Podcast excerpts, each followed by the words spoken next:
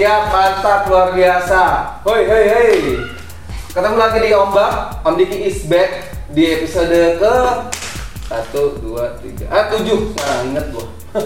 tujuh, episode ke tujuh.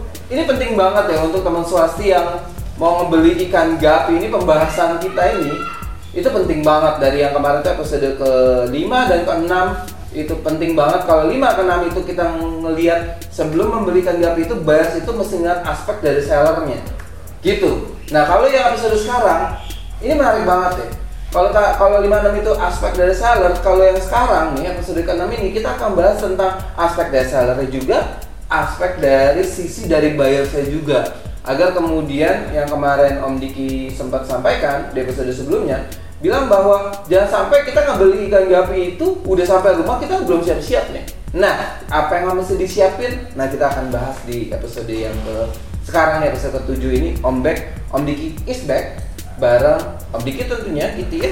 Dan sekali lagi bahwa teman swasti di belakang ini terima kasih untuk teman swasti yang udah berpartisipasi Eh, dan ini juga ada beberapa uh, unit bisnis dari swasti farm juga sih. Kalau ya episode ke berapa ya? Episode ke 5 ya. Ada beberapa teman swasti yang udah berpartisipasi di uh, Om Bek ini. Dan kalau teman swasti mau berpartisipasi ya omong gue silakan aja.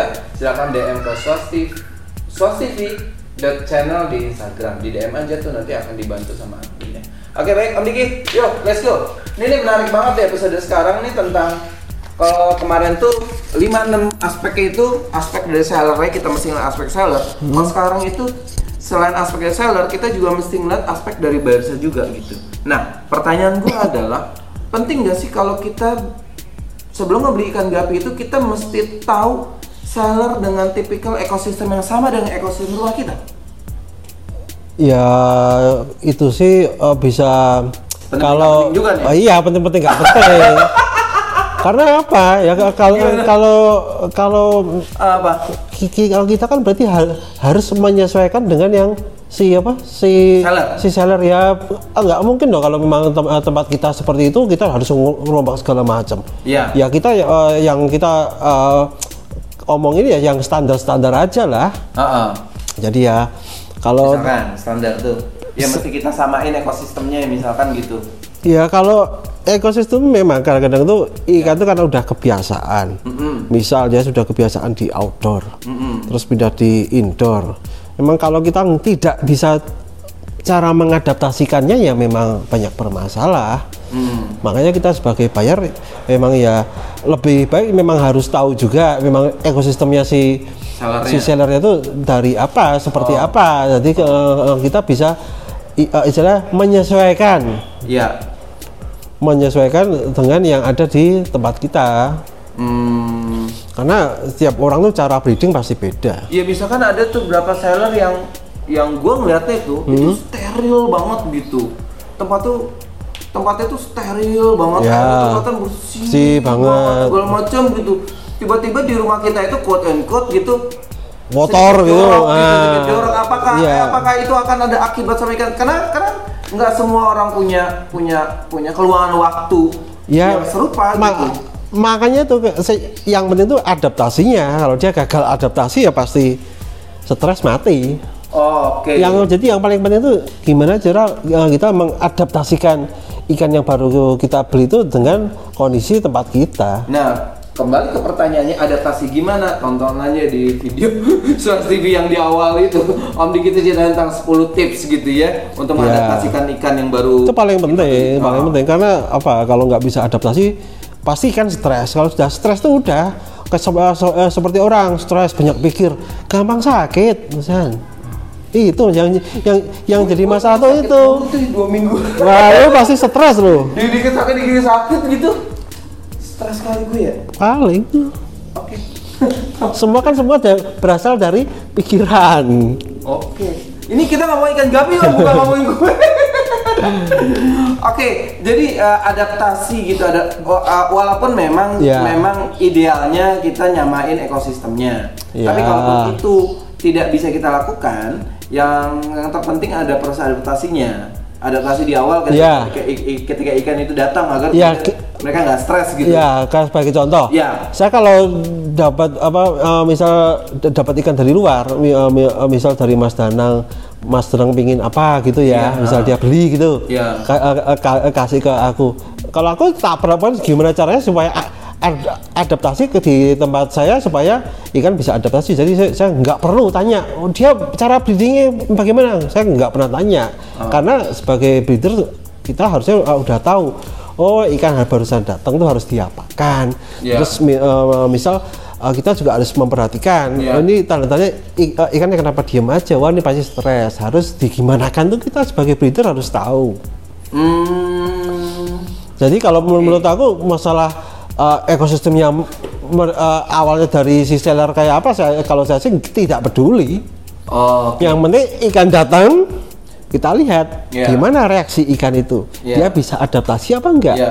Kalau dia uh, i- istilahnya lincah, dikasih, di- Iya. dikasih makan lahap itu berarti nggak ada masalah. Tapi kalau sampai ikannya udah diem aja, Iya. wah ini pasti stres. Ah. Nah kalau udah stres ya kita harus ambil langkah-langkah supaya gimana caranya ik- uh, ikan bisa survive. Itu Oke. aja. Nah berarti itu eh, proses eh, ya kalau bisa disamain dia Ya. ya kalau kalau kalau itu sangat sulit sekali sangat sulit sekali ini kan banyak juga penonton dari Swasti TV ini kan levelnya itu nggak di elu gitu om ya Iya, memang Nah, karena- artinya kan yang mesti mereka lakukan adalah proses adaptasinya setelah Iya, itu. karena memang si, uh, si- uh, si- apa tiap breeder kan cara breedingnya beda-beda dan Yes, si- betul. si- si- situasi lingkungan farmnya kan beda-beda. Ah. Ya ki- uh, kita pakai cara-cara standar aja. Eh, Kalau di- dengan cara standar itu uh, harusnya sih kalau memang memang memang kalau udah apa i- uh, istilahnya memang udah nggak ketolong ya mau apa boleh buat tapi kalau biasanya sih kalau dengan cara standar kita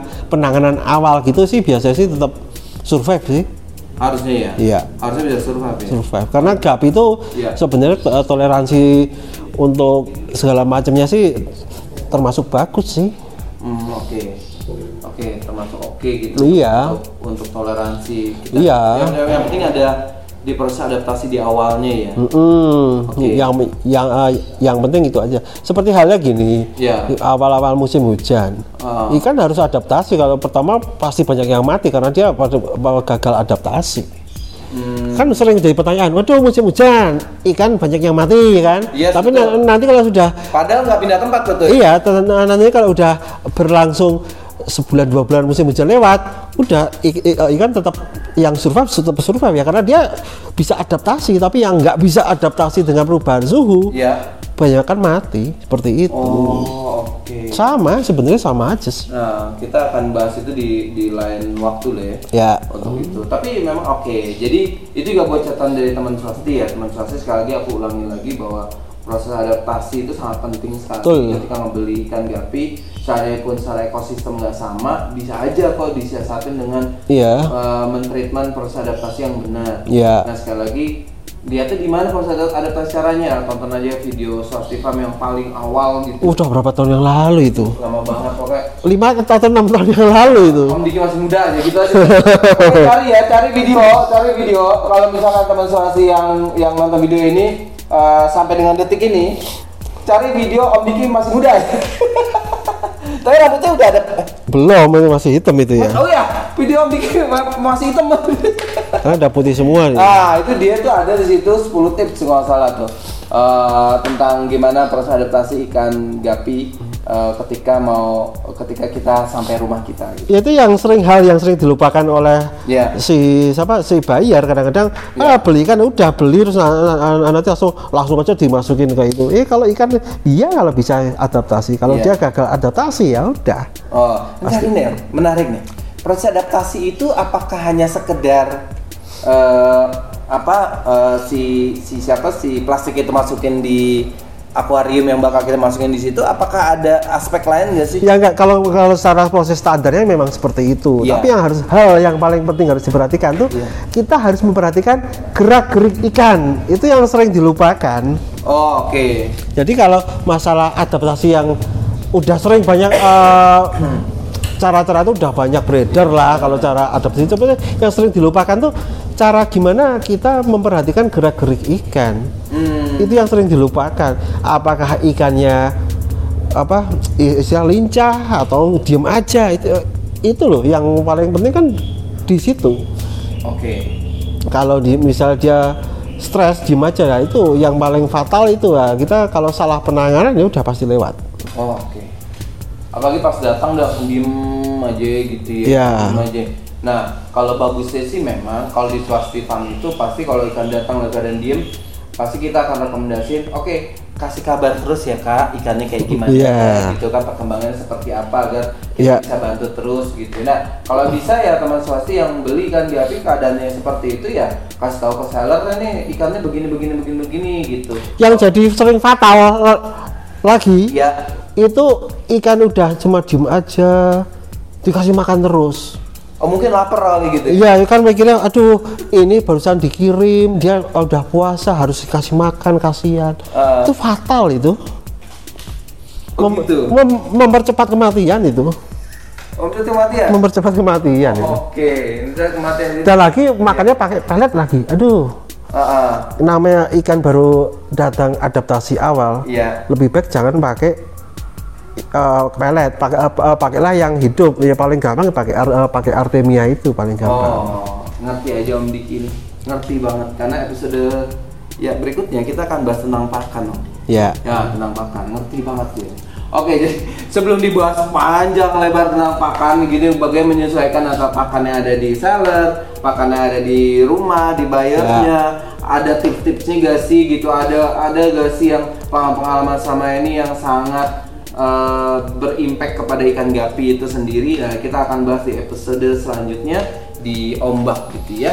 Nah, itu dia eh, tentang di episode yang ini gitu ya tentang gimana eh, ekosistem, kemudian ekosistem di seller, ekosistem di buyer, kemudian bagaimana kita caranya untuk mengadaptasikan ikan gapi yang baru datang. Nah, kita udah bahas di ombak. Nah, kalau teman swasti yang masih bingung-bingung gitu cara gimana eh, apa tulis aja kolom di eh, komen di kolom komentar. Nanti mudah-mudahan nanti kita akan jawab di episode berikutnya gitu ya. Itu itu itu itu aja. Wah Ri, ribet banget ngomong. Nah itu aja. The ombak episode kali ini aku Dodi Sofiadi Diki Chandra. Om Diki eh, di ombak episode ke-7 sampai sampai ketemu di episode berikutnya ya.